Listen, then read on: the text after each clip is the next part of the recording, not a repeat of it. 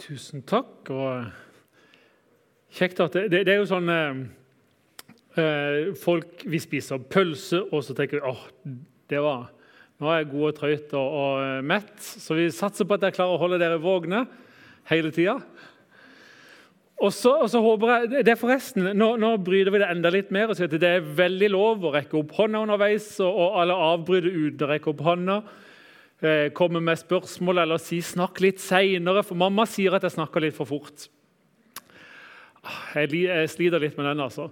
Eh, det er lov til å komme med korrigeringer eller innspill osv. Eh, dette er jo spennende for å være første Og så liker jeg veldig godt begrepet dypere. altså at man Fordi jeg har sagt noen ganger litt flåsete at jeg er ikke så veldig interessert i medier. Eh, det er jo litt dumt når vi jobber som daglig leder i, i tro og medier. Men, men, jeg er veldig interessert i vår etterfølgelse av Jesus. Og dermed blir mediehverdagen viktig. Eh, så, så jeg synes det er utrolig fint at dere på ulike områder av, av hverdag og samfunn eh, ønsker å, å bli utrustet til å gå dypere. Om jeg kan bidra, nei, det, det tar jeg en skikkelig sørlandsk og sier det vet vi ikke, men, men, men det får vi se. Eh, jeg har lyst til å si litt om tro og medier for, for dere som eventuelt ikke skulle kjenne det. Vi sier at vi, vi jobber for å gjøre Jesus synlig i mediehverdagen. Eh, vi, vi ønsker å gjøre han synlig for hun som søker etter Jesus på nett. Eller ikke, hun søker kanskje ikke etter Jesus, men hun søker etter mening. Søker etter et eller annet. Eh, så lager vi f.eks. nettkurs, eh, og vi ser at det er gjerne på kveldstid eller nattestid da melder en del på seg på kurset. Så kan de få en sånn e-coach, altså en samtalepartner på nett, som de, som de tar, tar, kurs med. Vi har et kurs med Egil Svartdal. Eh, vi har et med Bjørn Hinderaker herfra, og vi har, eh, vi har, en rekke ulike kurs som, eh, som, er verdt å ta. Du kan se på omgud.no. Men, men, det er en viktig del å nå, å nå søkende mennesker og lede til tro. Og så ønsker vi å utruste hverandre til å følge Jesus i en hverdag full av skjerm. og det vi snakker om her nå. Og på andre måter si hva vil det si at hverdagen vår er blitt så endra. For det tredje så ønsker vi å prege det allmenne mediebildet med godhet, med sannhet og tro. Og På mange måter så gir det et sånn helhetsbilde mener jeg, av ikke bare tro og mediers øh, oppgave, men det gir et ganske godt helhetsbilde øh, av den kristne kirkes mulighet og utfordring i møte med skjermene. Vi ønsker å vinne, bruke teknologien til å vinne nye mennesker for, for himmelriket. Det bør jo resonnere godt her som en organisasjon som har Norea Mediemisjon, f.eks. For det andre så, så ønsker vi å, å, følge Jesus, og vi må bare ta hverdagen vår på alvor. Eh, og ønsker vi å prege vår samtid. Eh, tre korte eksempler. I fjor lagde vi en serie med Tor Håvik, som dere kanskje kjenner til. Farmen-presten, bl.a., pluss ord osv. Eh, er, er oppstandelsen historisk troverdig? Eh, og Da lagde vi en, en miniserie på tre episoder som, eh, som ligger ute på oppstandelsen.no. Det det som, var litt gøy med den, jeg bare lyst til å si det, Vi fikk med oss krimforfatter Jørn Lier Horst. vet ikke noen av kjenner til Han Han, han sa etterpå i et intervju med NRK Det var vel på Ekko, tror jeg. Nei, det var det ikke. Det var den der Kompass. Så, hadde, så, så var han gjest og snakka om denne her episoden. og Så sier han Tor eh, gir gode grunner eh, til å tro at Jesus har stått opp. Eh, Forresten, han, han, litt, han var liksom rollen som, som etterforskeren. da. Eh, og Thor kom og han sa dette må jo være historiens største cold case. altså Uavklart drapssak. Hva var det som hadde skjedd? Grava var tom. Eh, og så sier han for troende, sier denne krimforfatteren, for troende så, så, vil serien kunne være med å styrke dem. For søkende så vil han eh, være til hjelp. Og for skeptikere, sånn som meg, så har serien gitt grunnlag for undring. Og Det synes jeg er utrolig fint. Hvis du kan begynne å bevege folk bortover og si at du må ikke være dum for, for å tro på Jesus. Det er gode grunner til å mene at Jesus faktisk sto opp fra de døde. Og så beveger vi folk litt gradvis bortover der. Er en annen ting som vi har gjort, det er å gå ut Bibelen på podkast. Jeg vet ikke om noen kjenner til den. Uh, først så spilte vi inn hele Bibelen Daniel C. Bjørnsen, altså på bergensk. Uh, Daniel, Daniel C. Bjørnsen satte seg til på Tertnes bedehus med madrasser rundt forbi.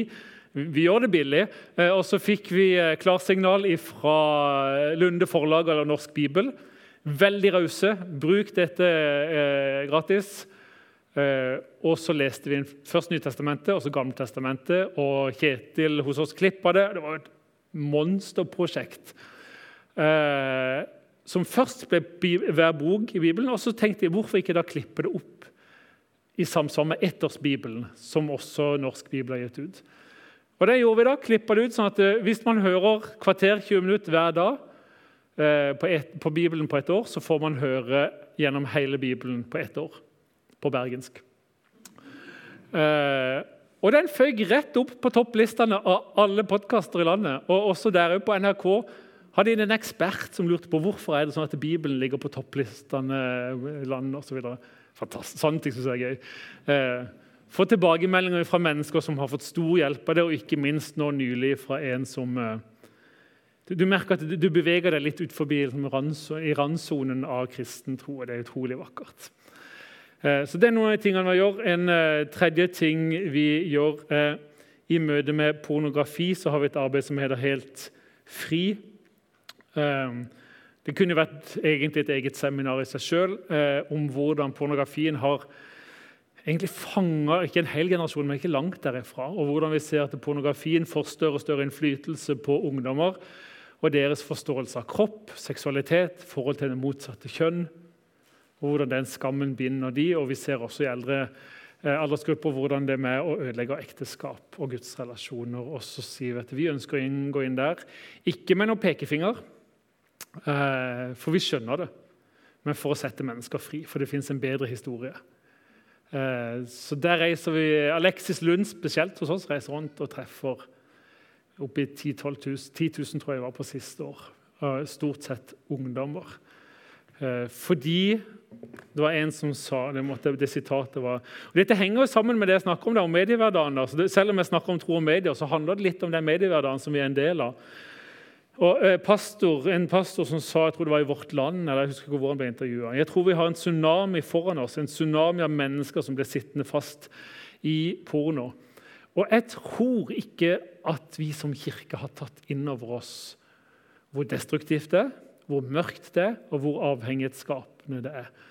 Så vi må snakke sant om sex. Vi må snakke sant om Guds gode historie for hele landskapet, og hvorfor han vil sette mennesker fri og lede dem i en annen retning. Så Det er, det er en, en glimt i hva vi gjør. Og så har jeg lyst til å utfordre dere på en ting. Hvis dere har mulighet til å bli med som fast giver, så er vi veldig takknemlige for det. Vi drives 95% av gaver, eh, ca. Eh, eh, og vi ser vi trenger oss. Vi, vi, vi, må fornye det. Det må vi jo. Det er mange trofaste, men noen av de har nå reist hjem til Jesus. Eh, her står at den får en egen T-skjorte. Den har jeg glemt å ta med. Hvis noen helst vil ha en T-skjorte, så kan de få den. Eller så ligger det denne boka eller ei barnebok foreldre- og barnebok om pornografi. Det høres litt, litt sprøtt ut, men vi skrev i vei for å være en samtalestarter hjemme. Hvordan kan man snakke med barna om pornografi? For i det øyeblikket de har en nettbrett, i det øyeblikket de har en mobil, så er veien svært kort til frivillig eller ufrivillig få pornografi på skjermen. Så Det er i hvert fall invitasjonen her. Eh, det, det, står forresten der, der, ute et skilt med en kode der hvis man enkelt vil registrere seg. Eh, der tror jeg Forslaget ligger på 200 kroner i måneden, men ønsker man å ha mindre. Vi har alltid fra 50 til 2000 i måneden. Så valget er helt fritt. Men det har skjedd en medierevolusjon hvis du kan gå rett på det. Det har skjedd en medierevolusjon de siste 15 årene. da. Hvis du går 15 år tilbake i tid, så kom, det var, det var året iPhone kom til Norge. Eh, året før 16 år siden var lansert. Eh, Facebook kom rundt den 2006-2007, men sosiale medier og Facebook ble liksom mer allemannseie for rundt 15 år siden. 14 år siden. Og Litt etter det så har Instagram, TikTok og Snapchat vokst fram. Eh, og så har det skjedd en, ikke bare en medierevolusjon, men egentlig en hverdagsrevolusjon. tror jeg vil kalle det. Eh, det er ikke sikkert for alle dere, men nå gir jeg dere et, et, bilde av og ikke minst et bilde av neste generasjon som kan være nyttig å ha med seg. Så kunne jeg sagt utrolig mye om forskjellige deler av skjermene. og Vi kunne snakke om budskapet som er der. Det har jeg lyst til å utfordre deg til. Det har sikkert fått litt ulike Damaris-input innimellom. Svært nyttig. Men jeg har lyst til å fokusere kanskje mest på teknologien og ikke bare først og fremst på budskapene. Men på teknologien og hva den gjør med oss. Um, så må du gjerne ha en sunn kritisk sans. Det heier jeg på. Kanskje svartmaler. Kan være, men det får vi, det, vi får tåle det. Eh, dette er en statistikk. Det er for øvrig en mareritt for meg som er fargeblind. Så, men, eh, statistikk over ulike medier som man har brukt mye tid på, så fjernsynet, der man har ligget på rundt tre timer daglig Nei, 150 var det, det ble det ikke. To og en halv time. Eh, så har han avtatt betydelig, fikk en sånn knekk rundt 2011 og gått nedover og nedover. Eh, det samme med eh, radioen, som har holdt seg mer stabil, mens vi ser nå har blitt overtatt av bl.a. lydmedier, altså podkast osv. Men det som roper mot oss, er jo Internett, som inkluderer også telefonen. Det var noen som spurte om gjelder dette også arbeidstid. Eh, det har jeg faktisk ikke gravd nok i, men det er jeg ganske sikker på at dette er fritidsbruk. Fra ca. 20 minutter i år 2000 til 1 minutt fra 4 timer. 3 timer og 59 minutter i gjennomsnitt daglig. Eh, og så lurer jeg på Ja, so what? det er jo bare et tall. Gjør det noe? For det er jo, Hvis jeg hadde satt liksom, du er fire timer daglig på skjerm. Ja, ja, men Er det et problem? Altså, jeg har jo levd så, altså, såpass lenge at jeg kan si ja, selvfølgelig. Du må jo, du må gjøre det, du må det, du må være med. Ja, Hvorfor det? Sånn, sånn, spør neste generasjon. Vi kan ikke bare si at det, oi, så mye du er på skjerm. Ja, men Vi må vite hvorfor.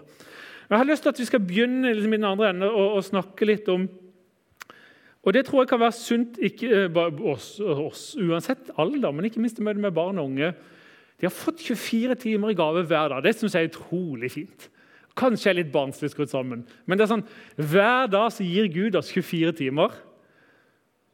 Og Jeg vet ikke hva tid han gir det, om det er med midnatt eller om det er når vi våkner. det er jeg ikke helt sikker på. Men det er sånn, vær så god, 24 nye timer.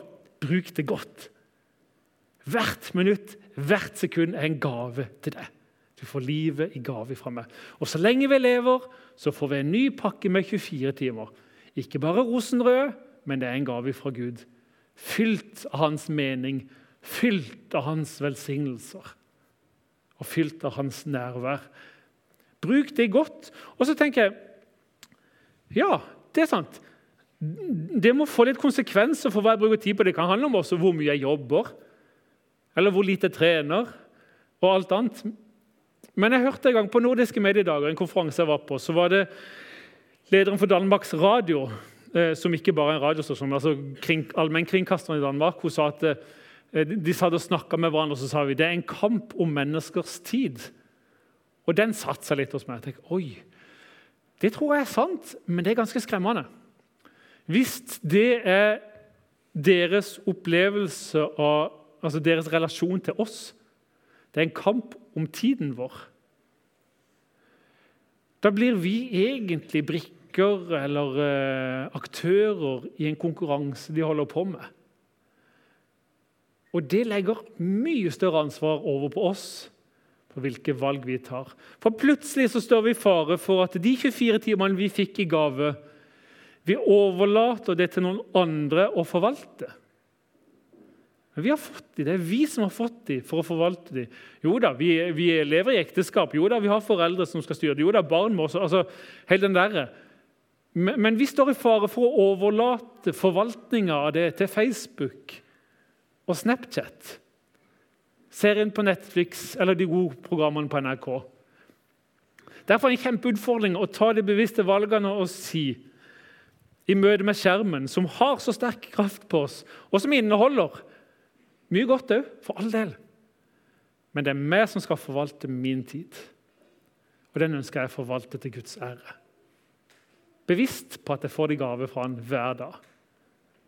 Og Mark Zuckerberg i Meta, Facebook, er ikke den som skal forvalte min tid. Men tipp om de jobber med det. Tipp om de har designpsykologer eller andre former for psykologer som forsker på hvordan, hvordan eh, manøvrerer vi dette landskapet. Hvordan kan vi få dem til å komme tilbake oftest mulig, være der lengst mulig? Hvis vi sprer ut likerklikkene Vi putter ikke alle 50 der med en gang. Men hvis vi, hvis vi putter ut syv likerklikk nå, så venter vi litt før vi tar resten, for da vet vi at det trigger noe om at de må komme tilbake igjen. Og ulike andre måter man, eh, man designer sidene. YouTubes autoplay-funksjon. Man kommer automatisk videre til neste film. og Det får oss til å bli værende. Hva so what? Vi er fire timer daglig. Nå kommer litt sånn eh, eh, svartmaling. Jeg bare forbereder dere. Litt svartmaling. Men jeg tror det er tre områder minst som lider av vår skjermbruk. Som kan lide. Tilstedeværelse, modning og frihet. Skal vi gå inn på det? og Det blir rammene i dag. Ikke tenk at eh, den tida jeg bruker på tilstedeværelse, kan du gange med tre. Det er alltid livsfarlig når det er tre punkter, så tror jeg at alle tre punktene varer like lenge. Dette er det lengste punktet. Tilstedeværelse. Eh, fordi jeg mener vi er skapt for relasjon. Vi er skapt for det første til å være til stede i eget liv. Eh, til stede i den Gud har skapt oss til å være. Fysisk vi er skapt som mennesker. Kjøtt og blod, ikke bits og bite.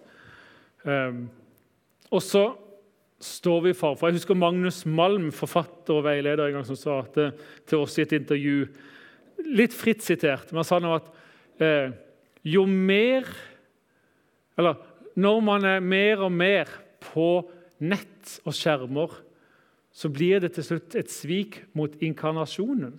Altså det at Gud ble menneske og jeg, Vil jeg gå så langt? Men i fall La oss kjenne litt på det. At oi, vi er skapt til å være til stede i eget liv med alt vi er.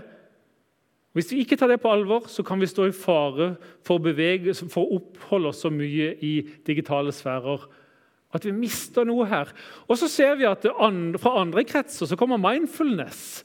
Det handler om å kjenne etter, å være til stede, kjenne at pusten er der. Eller mindful eating, du skal spise og kjenne at maten er der. Jeg, dette er ganske bibelsk, men vi har ikke tatt det nok på alvor. Så at det kommer fra andre hold. Vi må være til stede i eget liv. Noen bruker skjermen som en sånn flukt ifra det vanskelige. Noen bruker skjermen som smertelindring. Noen bruker skjermen som, eh, som en hjelp i, eh, for å takle sosial usikkerhet når man er i et menneskeflokk. Og, og det kan være, ja, Til tider kan det kanskje være godt å ha noe sånn å ty til. Men jeg tror det hindrer oss i å kjenne etter og si 'hvorfor kjenner jeg på sånn'? Hvorfor føler jeg det jeg gjør? Hvorfor reagerer jeg sånn som det jeg gjør?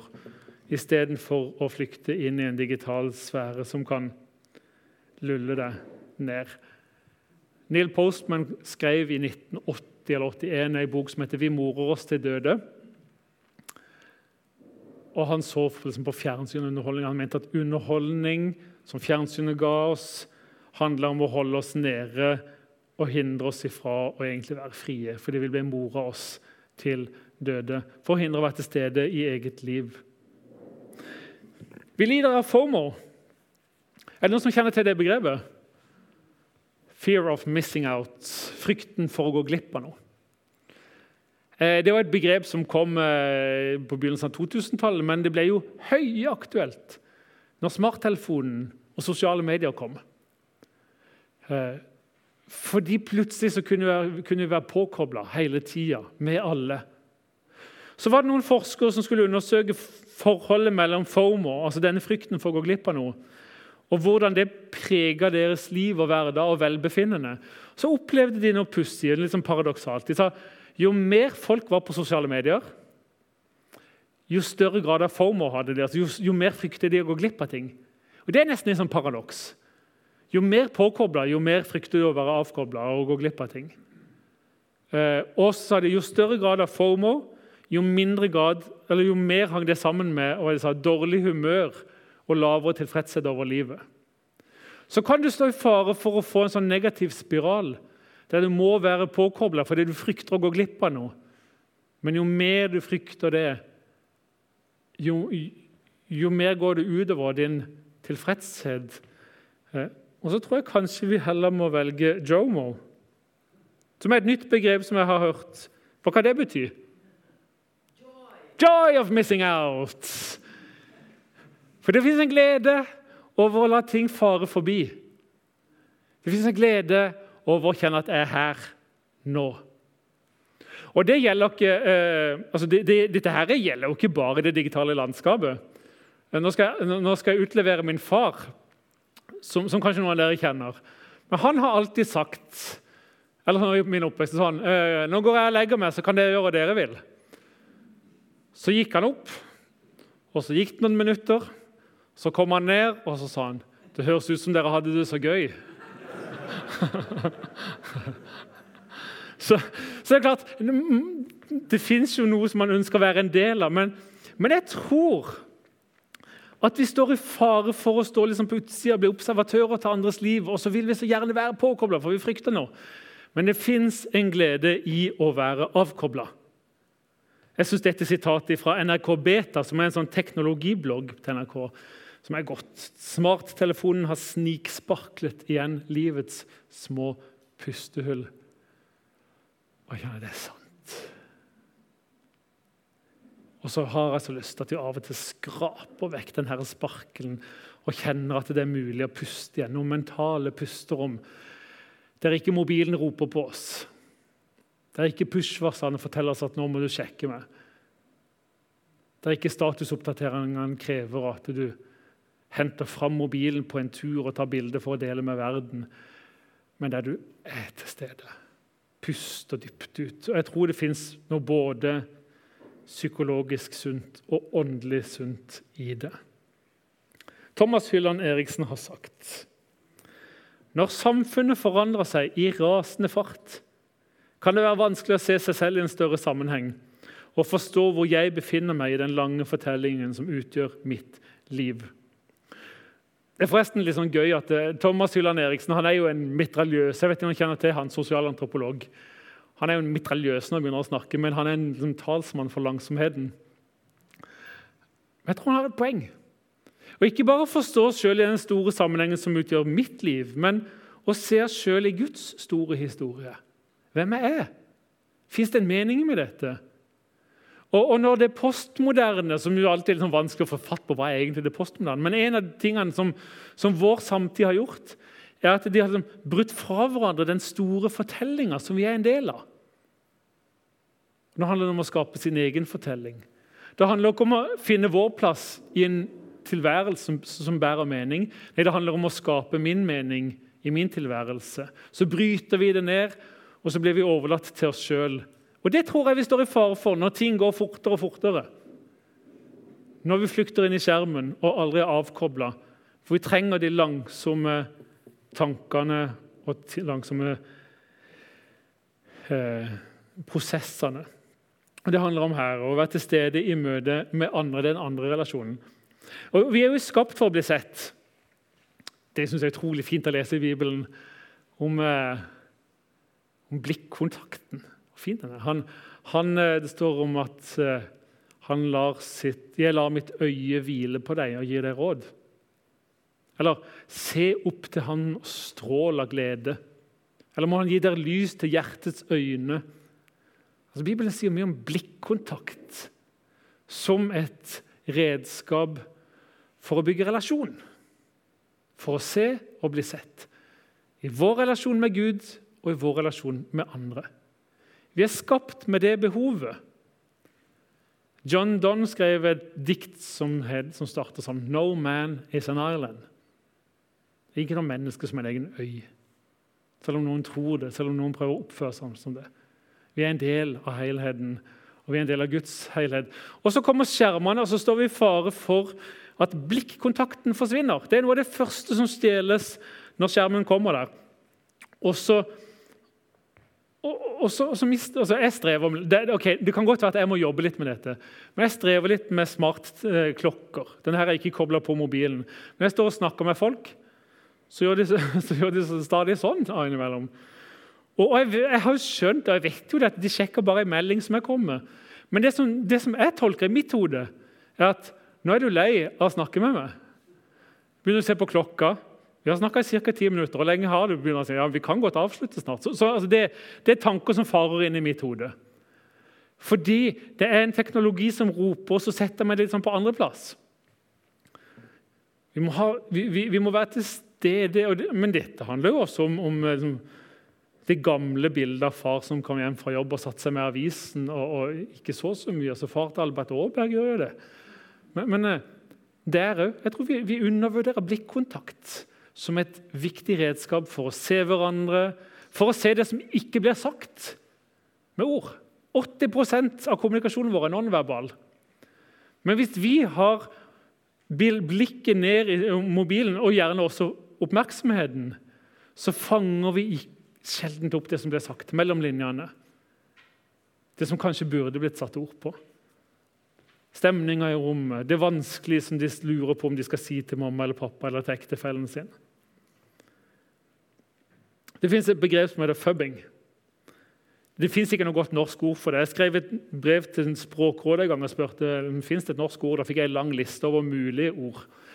Jeg forteller meg at det kommer aldri til å bli et norsk ord. Eh, men altså, å avvise noen i en sosial sammenheng ved å se på telefonen eller smartklokka eh, Og Det må vi være litt bevisst på.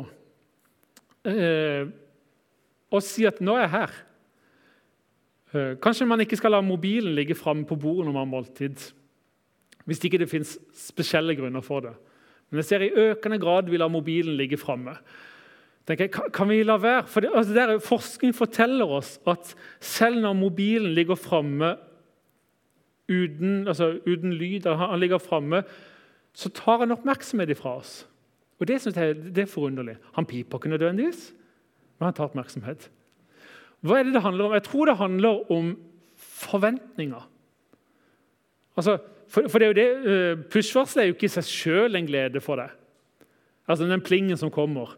Det er jo forventninger om at det kanskje det kan melde et eller annet gøy, viktig eller fint. Men, men, selv når det ikke plinger, så ligger det en forventning om at det kanskje plinger. Som kanskje kan inneholde noe godt.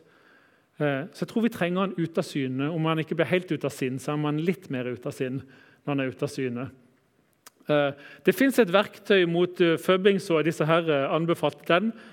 Vi må gå på nærmeste dyrebutikk og kjøpe en sånn krag for å unngå fubbing. og så, så jeg, kom jeg over noen bilder. De jeg, de er litt vonde, men veldig fascinerende. En som hadde et kunstprosjekt. Antoine Geiger heter han, som heter Surfake. Heter, og Han hadde forskjellige sånne bilder. Og det jeg synes det er jo helt forferdelig. Men det er veldig fascinerende som forteller oss litt om åssen skjermen stjeler oppmerksomhet fra oss. Og så hindrer det oss i å være til stede med andre. Og så kan det være at noen av dere nå sitter og sier inni dere For dere er jo så høflige at dere sier det ikke utenfor dere.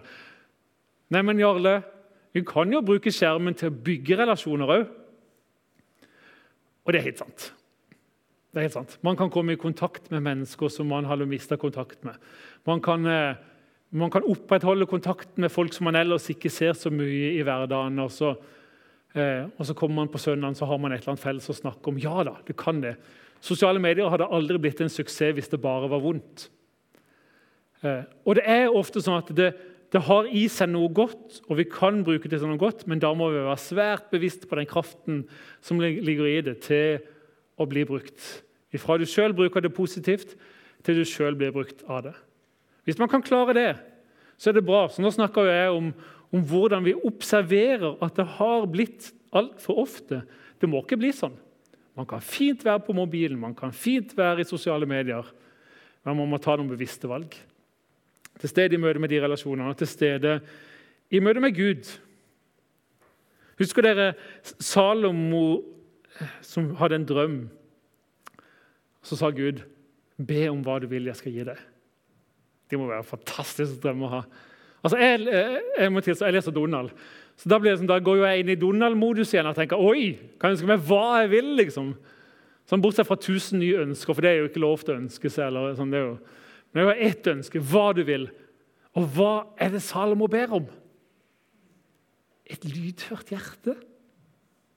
For meg sånn, sånn Du kasta vekk ønsket ditt, Salomo. I vår tid så ville du sagt det. Men det fins kanskje ikke noe klokere ønske enn det. En som sier 'Gud, jeg ønsker å lytte til din stemme', jeg ønsker å få veiledning av deg, jeg ønsker å ha øret mitt vendt mot deg. Jeg trenger ikke et langt liv, jeg trenger ikke masse rikdom, jeg trenger ikke det eller det. Så sa nå Gud at siden du ba så klokt, så får du det likevel. Alt det som det ikke ba om. Det er liksom sånn bonus. da. Men jeg tror at det har noe å si i vår tid òg. For stillheten lider, og tilstedeværelsen lider, og lydhørheten lider når støyen fyller dagene våre. Om det er, om det er eh, lydstøy eller visuell støy eller mental støy. Så sier eh, Jesaja, 'Herren Gud har gitt meg disiplers tunge, så jeg kan styrke den trette med et ord.' Morgen etter morgen vekker han mitt øre, så jeg kan høre på disiplers vis. Jeg lurer litt på Å høre på disiplers vis, hva er egentlig det? Det kan du tenke litt på.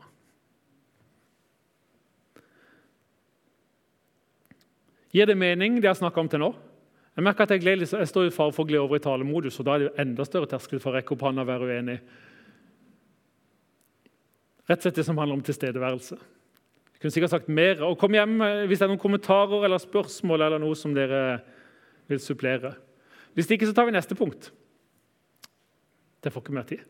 Modning. Det mener jeg også lider. Når eh, når vi har en skjermhverdag og en teknologi som går fortere og fortere. Ehm, det heter seg at du trenger tolv sekunder. Det er en psykolog som heter Rick Hansen, som sier at du trenger tolv sekunder til å la positive inntrykk feste seg i langtidshukommelsen. Uh, negative inntrykk de fester seg umiddelbart. Ikke spør oss når han har funnet ut av det. Det, det vet jeg ikke. Men, men, eh, men, negative inntrykk de fester seg umiddelbart. Vi må lære, altså Det handler om å, å, å, lære av farer og, og, kjenne de igjen neste gang. Kommer det inn en løve inn her eh, har, Da vil det komme mange rare spørsmål i hodet mitt. Men, men, eh, men, umiddelbart skal vi lære dette. Farlig, og det må feste seg, sånn at vi alltid vet at løve kommer av gårde. Løp ut. Eh, forresten, så dere det der skiltet med rømningsveier? Har dere observert det som surrer her? Der var det mange piler. Så hvis det hadde kommet inn ei løve her, så hadde jeg ikke hatt peiling på henne. Jeg skulle løpt for så mange piler på det rømningsveitegninga her. Det var en avsporing. Unnskyld. Eh, men, men eh, positive inntrykk, sier Rick Hansen. De trenger tolv sekunder. Og så sier han videre i vår tid så får vi stadig kortere tidsfragmenter. Vi sveiper stadig videre, vi scroller videre, vi løper videre. Og så tar vi oss altfor sjeldent tolv sekunder. Med det resultat er at vi lærer å engste oss. Så i dag, kjære venner, må dere ta dere 12, eller ta 15 sekunder litt oftere. Når du eh, får et kompliment. Det er vi flinke til å sende videre kjapt. Men ta deg 12 sekunder og la det feste seg. La det ikke hmm, Dette skal hjem i mitt hjerte. Det var de som gjorde en gang i tida. Maria gjemte ordene i sitt hjerte. Jeg tror hun tok seg både 12, og 15 og 20 sekunder. og det trengte hun. Neste gang du får en klem fra noen du er glad i, neste gang du spiser noe god mat, neste gang du leser et bibelvers kanskje du, kanskje du rett og slett skal stoppe og ikke lese videre, selv om du hadde tenkt å lese ferdig et kapittel. Hvis det er et vers der du sier dette var bra, ja, da må du ta deg minst 12 sekunder. La det feste seg. Og Så går du gjennom dagen med det. For vi, vi er så vant til å sveipe komme oss videre. Og så får vi dårlig tid, i betydning ikke bare mengde, men også kvalitet. Vi må ha et av Thomas Hylland Eriksen. Det er mye som kan gjøres raskt, men det fins også ting som bare kan gjøres langsomt. Å tenke, f.eks. eller gjøre en helhetsvurdering av et felt, legge opp en plan eller skrive en grundig rapport, eller for den del å være gift. Det kan vi ta til oss.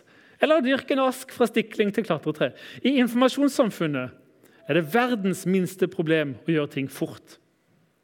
Det er verre med det langsomme.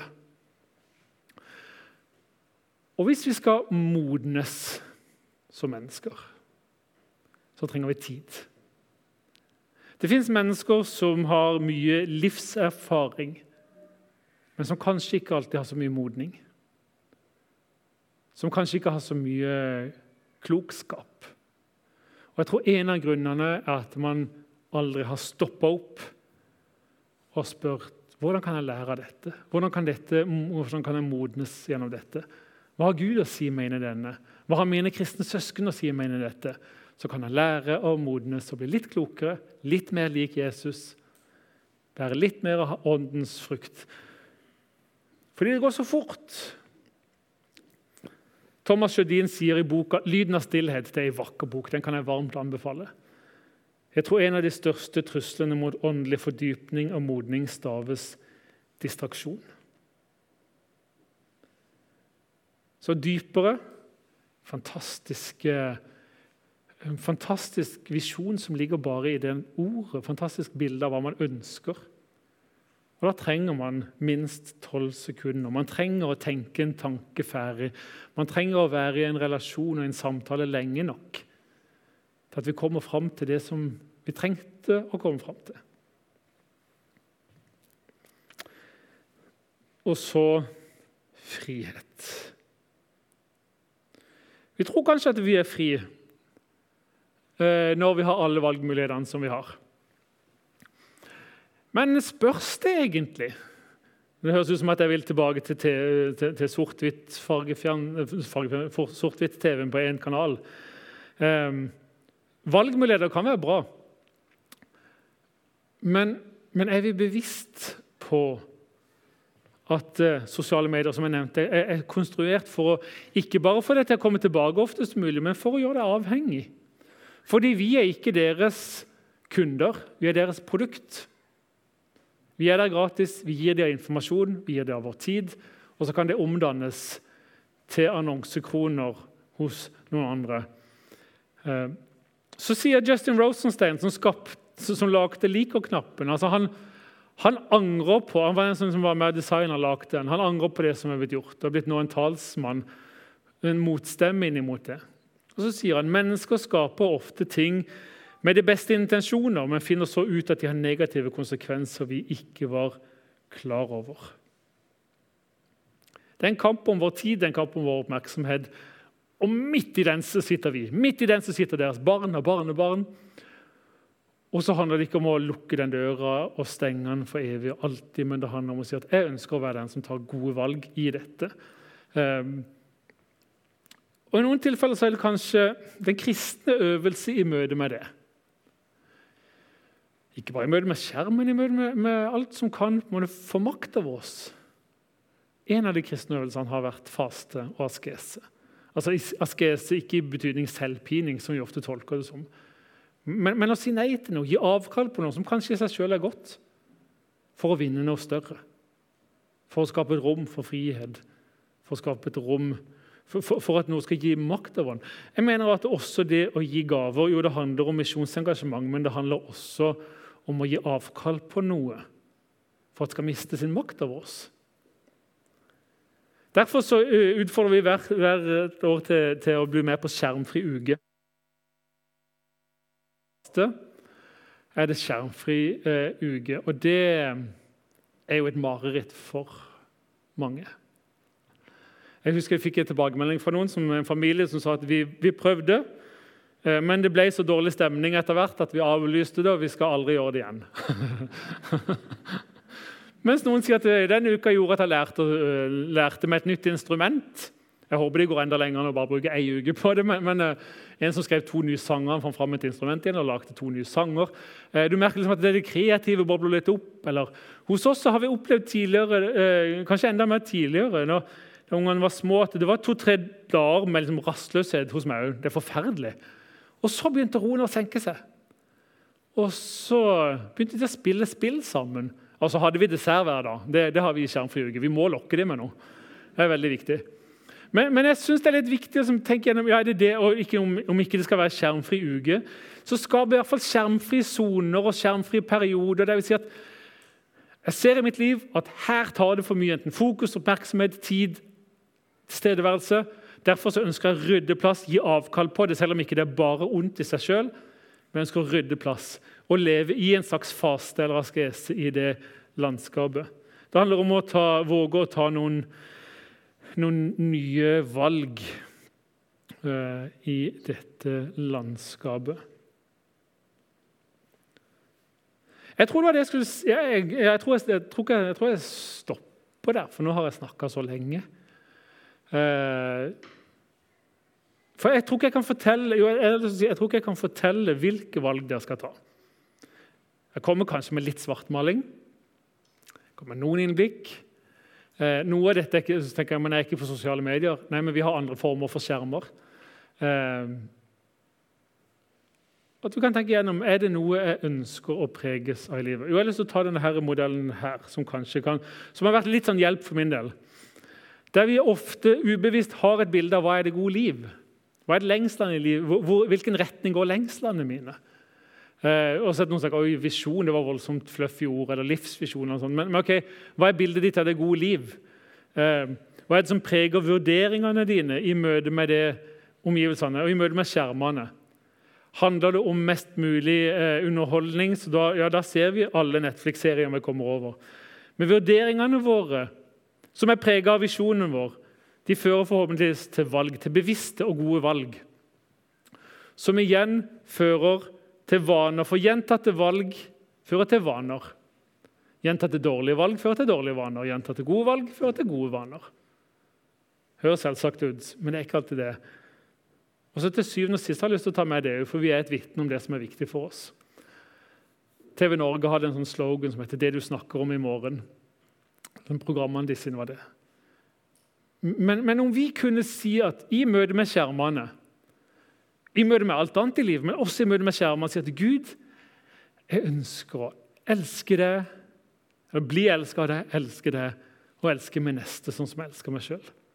Det er min livsvisjon. Jeg ønsker å gå dypere med det. Jeg ønsker å komme nærmere det. Jeg ønsker å få tak i noe av den visjonen som Paulus må ha hatt når han sa for meg er livet Kristus og døden en vinning.